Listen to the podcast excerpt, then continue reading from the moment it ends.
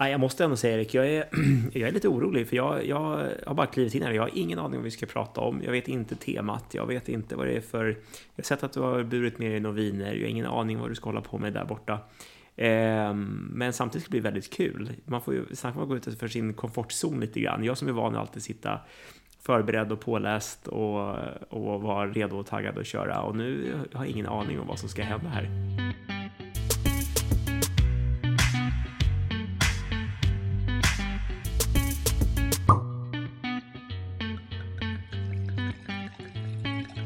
Hej och välkommen till Hemmasommelieren.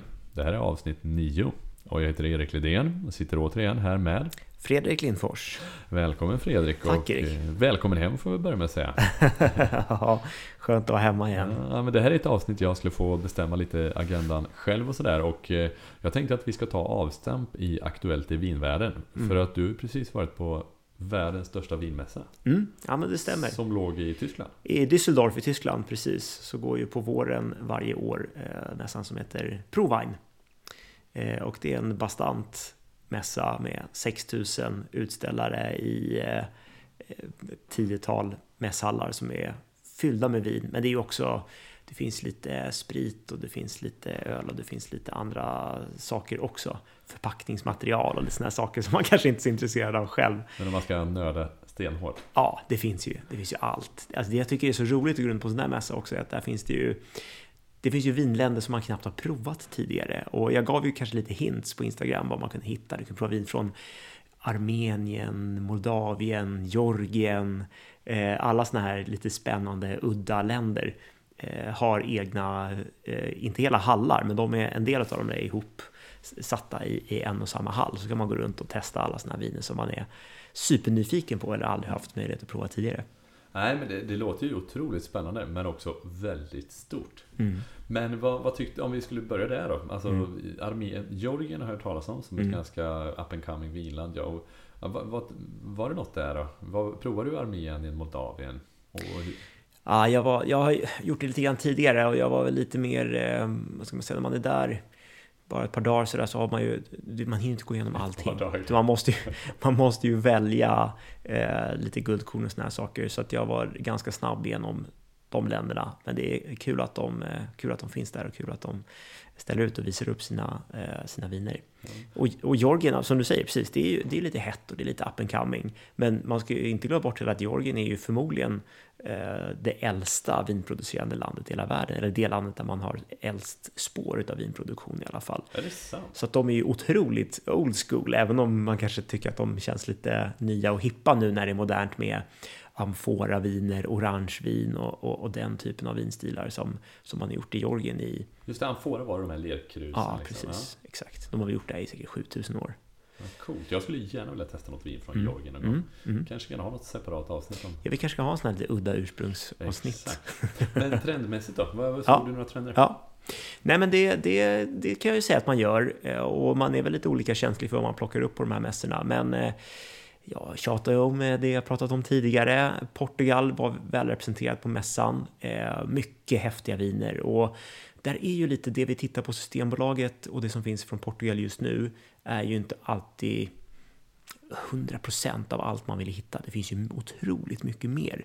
Och det kommer ju komma. Och när jag trendspanar Portugal lite grann så, så vet jag att det, det finns ju det finns saker där ute som, som man inte riktigt hittar, eh, som vi inte är överösta av på Systembolaget än.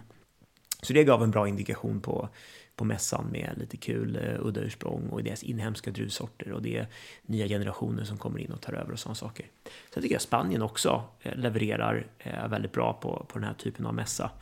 Um, och det är samma sak där. Jag menar, Spanien är ju förvisso ett, ett, ett land som vi ser rätt ofta eh, hos oss på hyllorna, men det är ju det är mycket Rioja, vi ser mycket Cava, vi ser en hel del från men Penedès kanske och, och eh, eh Albarini upp från Galicien och sådana saker. Men sen finns det en hel del hål i Spanienkartan där man kan hitta intressanta grejer.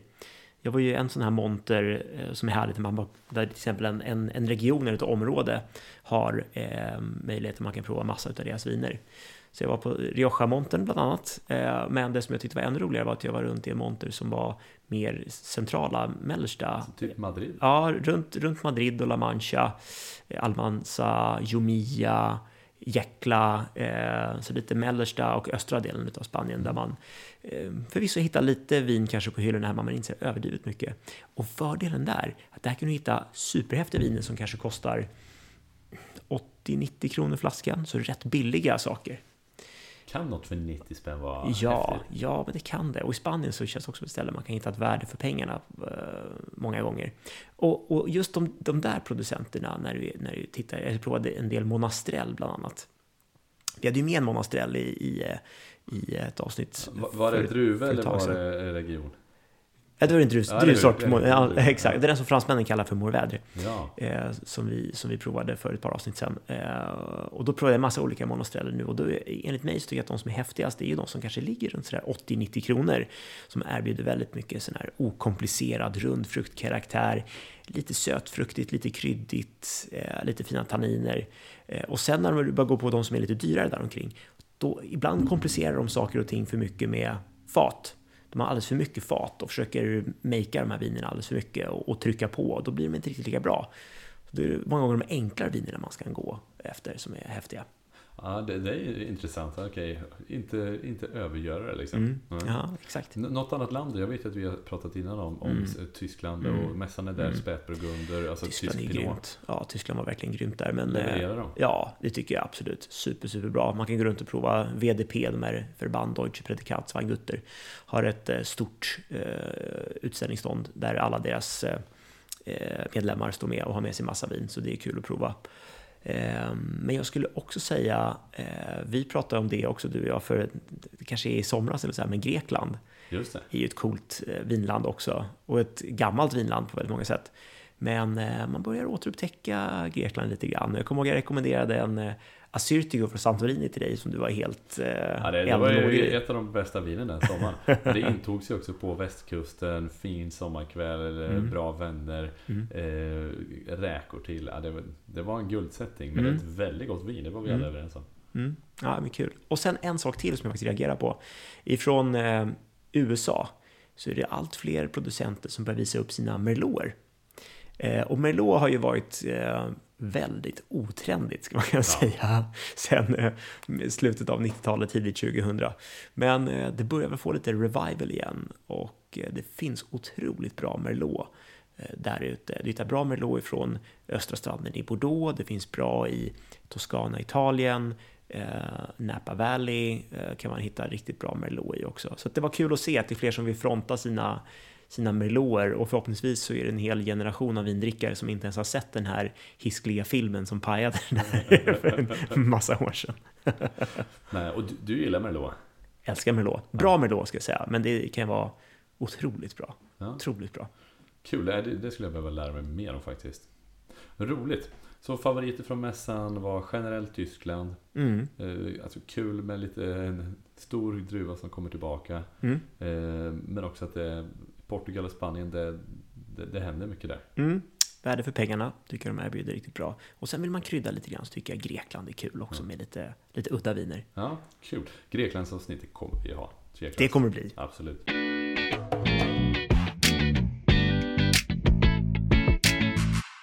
Idag så blir det lite provning lite tidigare. Och eh, Fredrik vet inte om vad han ska få prova och han vet inte om att han skulle få prova blint. Får se, kanske inte helt schysst av mig. Men jag har tänkt så här i alla fall att eh, jag hade, det är påsk på gång. Jag började fundera på eh, vin till påsklamm. Och så var jag inne på systemet, botaniserade runt. Eh, jag läste lite en tråd på Twitter från en kille som heter Niklas Aldén som tipsade om ganska mycket vin. Där plockade jag upp lite vin. Jag såg också ett av vinerna i Svenska Dagbladets vinspalt och tänkte mm, de här måste jag, måste jag skaffa hem. Och jag tror, Eh, vi får prata om det efter, att, eh, att Fredrik får en utmaning här. I första glaset till honom så har jag hällt upp en Cinsault från Sydafrika. Den är från 2020, en producent som heter Badenhorst. Och eh, druvan Cinsault, måste jag vara helt ärlig och säga, jag kan inte direkt något om Cinsault. Jag har valt den för att eh, den ska vara bra till lamm och det är liksom mitt lilla tema i den här provningen. Det är två viner som, som bör passa till lamm enligt Svenska Dagbladet, enligt folk på Twitter jag följer och eh, eh, det, det är liksom själva baktanken. Det andra vinet Fredrik kommer få dricka, det heter A Tribute to Grace. och är en, eh, ett vin på ren Grenache ifrån 2021. Och det är Santa Barbara Country i Kalifornien. Ja, eh, och det här vill jag bara börja med att säga eh, när man ska blindprova att det här är förmodligen bland det mest ödmjuka övningen man kan ge sig på. Eh, för att det är otroligt svårt att exakt säga vad det är för vin och vad det är för typ druvsort och var det kommer ifrån och, och, och, hela den balletten. Men det är samtidigt, det är, inte, det är inte det som är det intressanta varför man blindprovar heller. Det, det, det, är inte det som är en del av sporten. Tjusningen med blindprovning är att man som, som provare egentligen ska vara så ärlig mot sina sinnen som möjligt och beskriva vinet, vad det är man känner, hur karaktärerna är. Och eh, efter ett tag när man provar rätt mycket vin så blir man ju, man har rätt mycket förutfattningar eh, om, om vad det är man provar för någonting. Man faller in i, i, i, olika idéer, olika koncept, olika spår när man provar. Och då är det ju en verkligen en fördel att prova blint, för då vet man ju ingenting eh, vad man har i glaset och vad man provar för någonting. Men jag dyker väl in här, jag tittar på första glaset som Erik har hällt till mig och eh, jag ser att det är en väldigt ljus färg. Eh, så det kanske inte är en eh, Cabernet Sauvignon. det är någonting som är lite lättare touch på här, okej. Okay. Mm, ganska vattnig kant och det jag också ser att den har en liten lätt blå nyans ut mot kanten. Och vad den innebär det är att då, då kan jag tänka så här, okej, okay, då är det ett ungt vin, för unga viner har lite mer blå färg. Eh, och sen så, är bra. Ja, och ju äldre de blir får de en mer eh, liksom granataktig färg och sen går de mot tegel när det, är, när det börjar bli riktigt gammalt och så blir kanten vattnigare och vattnigare. Eh, men vi doftar så känner jag att det finns en, eh, finns en väldigt fin eh, röd och blåaktig fruktkaraktär. Eh, jag får lite, lite röda bär, det finns lite blåbärskaraktär, det är lite lavendel, den är väldigt insmickrande och väldigt fruktig. Mm. Okej, okay, smakmässigt. Nu ska vi tänka så här, nu finns det vissa frågor jag kan ställa mig själv här för att, eh, ehm, för att tänka så här, okej, okay, är det nya världen eller det gamla världen? Jag tycker att det är ett vin som har väldigt light touch, alltså det, och det är ingen hög alkohol och det känns inte som att den är uppumpad eller överdrivet fruktig och sådär, utan jag, jag skulle nog ändå stanna i gamla världen. Eh, och sen så kan man tänka så här, vad är vinmakare och vad är ursprung, vad är vingård i det här? Alltså det finns in, det, det, liksom, vinmakaren har inte pumpat upp det här med massa fat. Det känns inte som att den har manipulerat den särskilt mycket, utan den känns väldigt, eh, väldigt elegant på många sätt. Det får ju också en, en, en, en vinprovare som har mycket förutfattningar att tro att vi är, vi är i Europa. Sen ursprunget tycker jag är lite svårt på den här, för att eh, jag får ingen, ingen hundraprocentig krok som jag hänger upp mig på. Men jag är nere Kan det vara så att då, om du tycker det, kan det vara nya värden? Ja, men jag är fortfarande, jag tror ändå jag kommer vara kvar i gamla världen. Eh, och jag är snurrade lite grann runt eh, Medelhavet och eh, jag tänker i södra Frankrike eh, kan, man, kan man nog gärna vara nere i Languedoc-Roussillon, en, en lite mer hands-off producent som kanske gör en eh, Grenache, Syrah, Mourvèdre blend väldigt, eh, väldigt hands-off skulle jag kunna tänka mig. Ja, men det är väldigt kul att höra. Jag, jag lär mig massor av att höra det här. Och jag, jag har ju säkert inte gjort någon snällprovning utan jag utgick ifrån min maträtt här. Det här är då någonting som är Sinso ifrån okay. eh, Sydafrika. Och jag ska vara mm helt rak och ärlig nu och säga att jag vet knappt vad Sinso är. Jag mm. fattar att det är en druva mm. och det är någonting jag vill lära mig lite mer om. Mm. Eh, jag fick tipset av en kille jag följer på Twitter, Niklas Aldén, som brukar lägga ut lite vintips som jag verkligen uppskattar. Eh, så då plockade jag hem den när jag såg att den kanske också skulle matcha med påsklamm. Mm. Vad tror du? Hade, mm. den, hade den funkat? Mm. Nej, men det tror jag absolut att det skulle kunna vara ett påsklamm eh, rätt. Men jag tänker då får man ha ganska mjälla fina smaker så här runt omkring. För det här är inget rött vin som är jättekraftigt. Det är inget som, som tar över och sådär, utan det, det, då ska det ju vara, men det har man väl lite till påsken, jag tänker man har lamm och det är lite mer primörer, mm. det är lite mer friskhet och fräschhet och sådär i sakerna. Ja, och jag försökte kolla upp den här producenten, men det är lite, jag märker det när jag läser på på Systembolagets hemsida. Vissa, produ, vissa importörer lägger in mycket info, här var det väldigt lite info. Ja. Det var Badenhorst. Ah, Adi, Adi Badenhorst. Okej, ja, okej. Okay, okay. ja, det vad, vad säger det dig? Ja, men det, är en, det är en cool vinmakare från Svartland i, i Sydafrika eh, som gör han gör väldigt transparenta viner, så att nu förstår jag lite, mm. lite den här grejen. Och, och, det här är också det jag ska säga, med det som gör det ännu svårare att vara blindprovare idag, det är att det här begreppet med gamla världen, nya världen är ju lite utraderade. Och de inspireras av... Ja, men det, så är det ju. Det är ju nya världen är ju mer att de tittar ju mot att göra traditionella klassiska stilar som man gör i gamla världen med att, eh, med att ha lite lättare extraktion av druvsorterna och ha lite mindre fat och ha lite mer eh, frukt, eh, ja, expression helt enkelt. Ja. ja, men kul. Ska vi ta nummer två? Vågar du ge dig på nästa? Ja, nu kör vi. Mm, jag ser också att det här är ändå eh, relativt ljus i färgen. Det går ganska lätt att se igenom det här vinet ändå, men den är inte riktigt lika eh, blå tycker jag som förra vinet. Det finns en lite mer, eh, lite rödare nyans i det här också. Mm. Flörtig näsa måste jag säga. Den är verkligen rödfruktig, lite lätt kryddig. Det finns lite, finns lite härliga blommiga eh, toner i det här också. Lite, lite rosenblad, lite åt det hållet.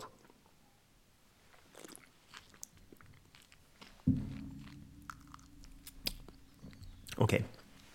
Smakmässigt. Mm, det här är också det är ganska lätt det här också. Det är inget, eh, inget vin som, som eh, det är för mycket muskler i. Det är runt, det är snyggt. kanske finns lite mer struktur i det här vinet. Jag tycker det finns lite, lite tanniner som är, som är där, som förvisso är väldigt, de är fina. Eh, de eh, är inte så många, men de är där och, och känns lite ungdomliga och, och, och ger en liten, ändå en lätt rustik men härlig känsla till det här vinet. Mm. Syran är i och för sig inte överdrivet hög, men den finns där. Mm. Rund, mjuk, charmig, härlig frukt, lite rödfruktig, kryddigt så. Mm. Spontant Sen tycker jag också att det kanske är lite mer modern touch, eh, just på det finns lite sötfruktigare karaktär i det här. Men jag tänker, visst det känns solmoget, kanske inte överdrivet solmoget.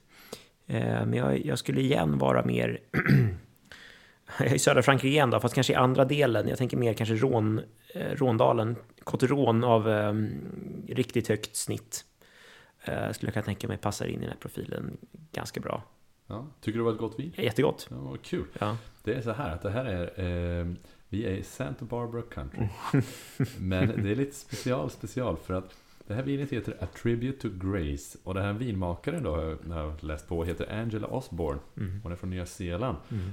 Ryktet säger då att hon är så galen i Grenache, just som den här druvan är, mm. så att hon flyttade till USA och startade vingård där istället för det skulle vara bättre att odla Grenache där. Mm. Och hennes mormor heter Grace och eh, därför har de döpt vinet till detta.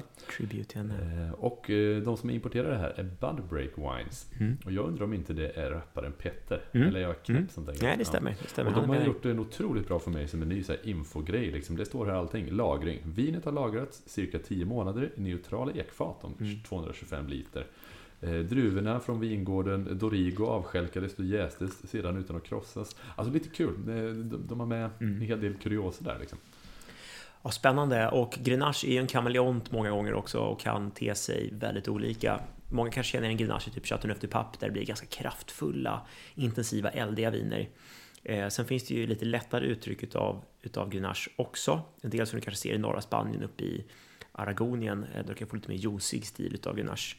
Och sen det som har kommit på, på senare tid är ju typ från Madrid, i mitten i Spanien så gör man jättehäftiga grenacher som faktiskt inte är helt olikt det här skulle jag säga. Där du har lite mer tanninbett i eh, och lite mer struktur i grenachen också, vilket jag tycker är väldigt väldigt härligt. Det kan dra nästan lite mot Nebbiolo eh, när man provar många gånger. Cool. Men, eh, men nu i Kalifornien så nu är det någonting helt ja. annat. Då kommer jag till två finalfrågor på det här. Ja. Sen ska vi stänga ja. blindprovningen. Och tack för att du gav dig på att prova med Fredrik. Ja, kul viner. Tack Erik. Ja. Eh, yes, två frågor då. Påsklamm, någonting eh, som är lagat till. Vilket vin väljer du av de här två? Ja, men jag skulle nog, just till lammet skulle jag nog välja Grenachen, mm. skulle jag säga. Eh, jag tycker att det finns, det finns lite tanninstruktur, det finns lite mer kropp, det finns lite mer generositet i frukten som jag ändå tycker skulle kunna bära upp eh, lammet på, på ett väldigt, väldigt bra sätt. Sen eh, Badenhorsten, är, sin son, är också väldigt härlig, men jag skulle nog ha den kanske lite tidigare till och med. Jag tycker att den är, eh, den är väldigt sådär härlig och, och som sagt transparent och mer ett lätt i uttrycket. Den är ju klockren att dricka egentligen på egen hand, bara rakt upp och ner, eh, är sådär okomplicerat gott. Ja. ja men kul, vilket flyt att jag köpte två av den här Grenachen Tribute to Grace. Då har jag en i påsk. Då ska du dricka i påsk. Exakt. det är perfekt. Eh, Men, fråga på det då. Båda är väldigt unga. Det är 2020 på Badenhos, 2021 på Grace. Mm. Eh, Är det här något att lagra? Och hur vet jag om det är något att lagra? Hur ska Mm. jag veta? Mm. Är det Mm. något som kan tjäna på att lagra fem år? Ja, eh, precis. Och det, jag tror att det är bra att du drar eh, gränsen där någonstans också. Jag tror, jag tror att det här är inga viner som man ska spela långa spelet med, utan eh, de är goda nu och de kommer ha eh, en bra tid framför sig närmsta åren. Och jag tror att fem år är en ganska bra sweet spot för, för båda de här. Eh, just med tanke på att de är, inte, de är inte så hårt byggda, de har inte supermycket struktur. Det känns som att de har inte Eh, alldeles för mycket koncentration heller. Vilket gör att det här är ändå viner som, som lever mer på att de är väldigt tillgängliga, de är väldigt goda att dricka nu. Eh, och då tror jag inte heller att man ska behöva göra saker och ting alldeles för komplicerat för sig och lagra dem alldeles för länge. Och jag menar, är ett vin gott att dricka nu, ja men då ska man njuta av det. Och sen är man alltid nyfiken. Vad händer med ett par års lagring? Ja men lägg undan, lek och skoja lite med det. Men sen tror jag inte att det kommer bli de här största vinupplevelserna efter massa år i källaren.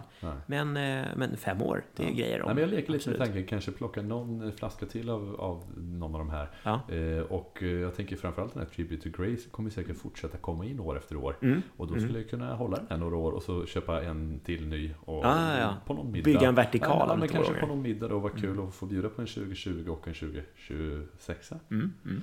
Ja. Verkligen. Nej, men stort tack, skål! Skål Erik!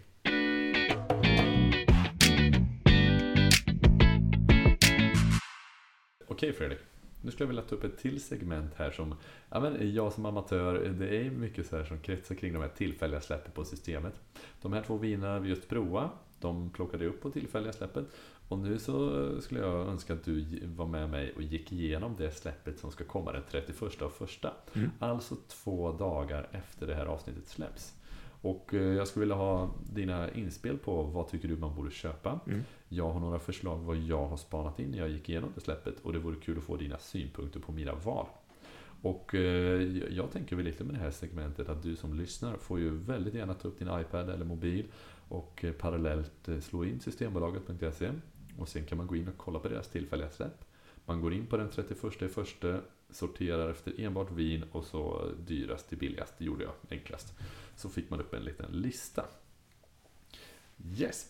Men jag tycker vi tar och scrollar igenom Mm. den här listan och vi börjar direkt då. Jag, jag tittar på absolut dyraste vinet i det här släppet, kostar 1200 spänn. Och det heter liksom Fay. Det är kort och koncist, det är en cab, den är från Napa Valley 2015. Och där undrar jag direkt så här. Eh, men är det här något att lägga 1200 spänn, gå ihop med polarna? eh, som en upplevelse. Jag ska till exempel ha en middag med eh, några gamla kompisar som jag inte har träffat på länge om två veckor. Är det något jag Mm. kan plocka upp och Mm. ha en upplevelse? Mm. Eller är det att kasta pengarna i sjön? För det här är ingenting som är pang för pengarna ändå. Eh, nej men det tycker det, kan- det är ett kul vin. Eh, Fay, det där är, jag har inte kollat igenom släppet tidigare, men det måste vara från Stag's Leap Cellars. Jag ska bara gå in och kika på att det är den, för de gör ett vin som heter Fay. Eh, jag ska bara in och se producent, bla bla bla. Eh, ja, exakt, Stag's Leap Wine Cellars. Fay. Det här är ett, det här är ett väldigt gott vin. Och eh, det här är ett vin som vi har, vi har varit och touchat på lite grann när vi hade Napa Valley-avsnittet. För det, eh, Stag's Leap Cellars var ju de som vann The Paris Tasting. Ah, kul, Dock inte med det här Ja. specifika vinet, utan det här är, eh, det här är en, en, ett vin som kommer senare. Men, eh, men det är ändå kul att dricka den producenten till exempel. Kul! Ja, jag, jag kanske bara ska ta och göra det, vi får se. Mm. Men här skulle jag vilja belysa för er lyssnare också. Jag såg direkt återigen Fredrik, han glider in och så kollar han producent. Och det har han gjort förut med mig när det handlar om vintips. Eh, och och, och du, du tänker ju väldigt mycket utifrån producent. Och jag antar att det är det man gör när man har en god kännedom. Liksom. Och, och det är väl egentligen ett tips till alla att eh, försöka snarare nästan skriva upp producent än bra viner. Alltså att lära sig lite vilka producenter som är bra. För jag har ju fått otroliga vintips av dig när, du, när man väl utgår från producent snarare än vin. Eh, Så jag tycker det känns som att jag har identifierat ett hustips från er Mm. som kan. Så kan det vara. Så kan det vara. Ja, eh, nästa vin, det näst dyraste också, har vi ett Brancaia Chianti Classico. Men där har vi Gran Selezione. Gran Selezione. För det här är ett vin jag har druckit ganska mycket av, den orangea vanliga Mm, Brancaia. ja, Jag får exakt. Jag har tyckt så här, Mm. gott pizzavin. Eh, Det har hängt med i många år liksom. Varför kostar den här nästan 700 spänn? Ja, det här är ju en av deras toppselekteringar. Eh, Gran Selezione är ju toppen utav pyramiden när det kommer till Chianti Classico. Eh, det, det här är eh, the pinnacle av vinerna. Sen gör ju Brancaia viner som är ännu dyrare än så här. Illblod till exempel, som är deras topp eh, toppvin. Men det är, det är fräcka och det är väldigt goda viner eh, som de gör. Så det, det tycker jag absolut kan vara värt att, att titta upp. Jag besökte dem i somras, så det var, det var jättetrevligt. Trevligt. Drack du någon av de här då? Jag, jag provade faktiskt inte Gran Selezione just, eh, just... Jo, det gjorde jag fasken. Den var visst med på provningen. Eh, så det är jättegott. Ja. Det var inte det sista vinet vi drack, men det var, den var med. Den var, ja. den var god. Kul. Ja, eh, vi glider vidare inom listan. Vi hoppar lite. Vi kan inte kolla in i allt sådär, men sen på femte plats så kommer det sake. Mm. Har du druckit sake tidigare? Nej, jag har aldrig någonsin druckit Nej. sake. 400 men, spänn kostar nästan, ja, 396. Men, men grejen jag dricker inte sprit och det är väl ett aktivt val jag har gjort sedan ganska många år tillbaka som funkar väldigt bra för mig. Men någon gång kan jag verkligen sakna, framförallt kanske är det midsommar, när det är så här, ja, men, snapstillfälle. Hade liksom sake kunnat vara någonting för mig? För jag ser att den är 16% mm. Mm. Men, men jag tycker också sake känns väldigt mystiskt och mm. uh, det kanske är disrespectful också. Det kanske inte är så man dricker sake. Du tänker shotta saken? Ja, eller, ja exakt. Shotta, eller ska man elda den? Eller ska den bara vara till sushi? Hur tänker man? Liksom? Ja, men jag, jag, skulle säga så här också. Det finns ju, det är som, precis som med vin eller som i allting. Det finns egentligen nivåer utav sake också. Eh, det finns väldigt högkvalitativ sake och sen finns det ju det finns billig och skräpig sake också. Men är den alltid låg alkohol? Eh, ja, ja näst, jag tror att det finns ja, sake som har lite högre alkohol också. Men, men eh, jag tycker att det tvärtom. Sake är ju egentligen inte destillerat, utan det är ju, det är ju fermenterat upp alkoholen. Så att du skulle kunna tänka att det är typ som ett risvin eller ja. en risbrygd snarare. Eh, för det är ju ris som du fermenterar helt enkelt och kommer upp till den, till den alkoholhalten. Eh, och det är, jag tycker ju sake framförallt gör sig bäst när man, när man har asiatisk mat till, att det förhöjer det. det finns, I bra sake så har du en, det finns en renhet, det finns en friskhet, det finns liksom nästan en, en mineralisk struktur i det som jag tycker är väldigt, väldigt härlig att matcha ihop med, med just de smaker du har i japanska köket som är väldigt... Umami. Ja, men, ja, men inte bara umami. Jag tänker också den här... Det är, det är en otrolig renhet och fräschör i all japansk mat. Det är den här... Alltså tänk sushi som är... Eh, liksom, du äter fisk, det är råfisk, den är väldigt liksom, okomplicerad men det är väldigt hög kvalitet. Och bra sake blir det samma sak också. Det är hög kvalitet och en väldigt transparent typ av ja. Men om jag skulle klicka hem den här och vill bjuda på lite vänner eller någon middag på sake, mm. hur, hur, gör jag då? Vad, vad kör jag? Kan man bara göra någon sushi-rätt? Eh, yakuniku? Ja, eller... ja. Ja, men ja, ja, precis. Sashimi kanske är klockrent till, eh, till, till det. Men det skulle vara kul att köra en crossover och matcha det typ med eh, gravad lax just eller göra en sån grej. Servera ihop med, alltså sill absolut, skulle också kunna fungera. Men jag tror inte du ska, du ska inte shotta den, du ska sitta och smutta på ja. den mer. Och sakin, Vad är det för glas man häller upp till?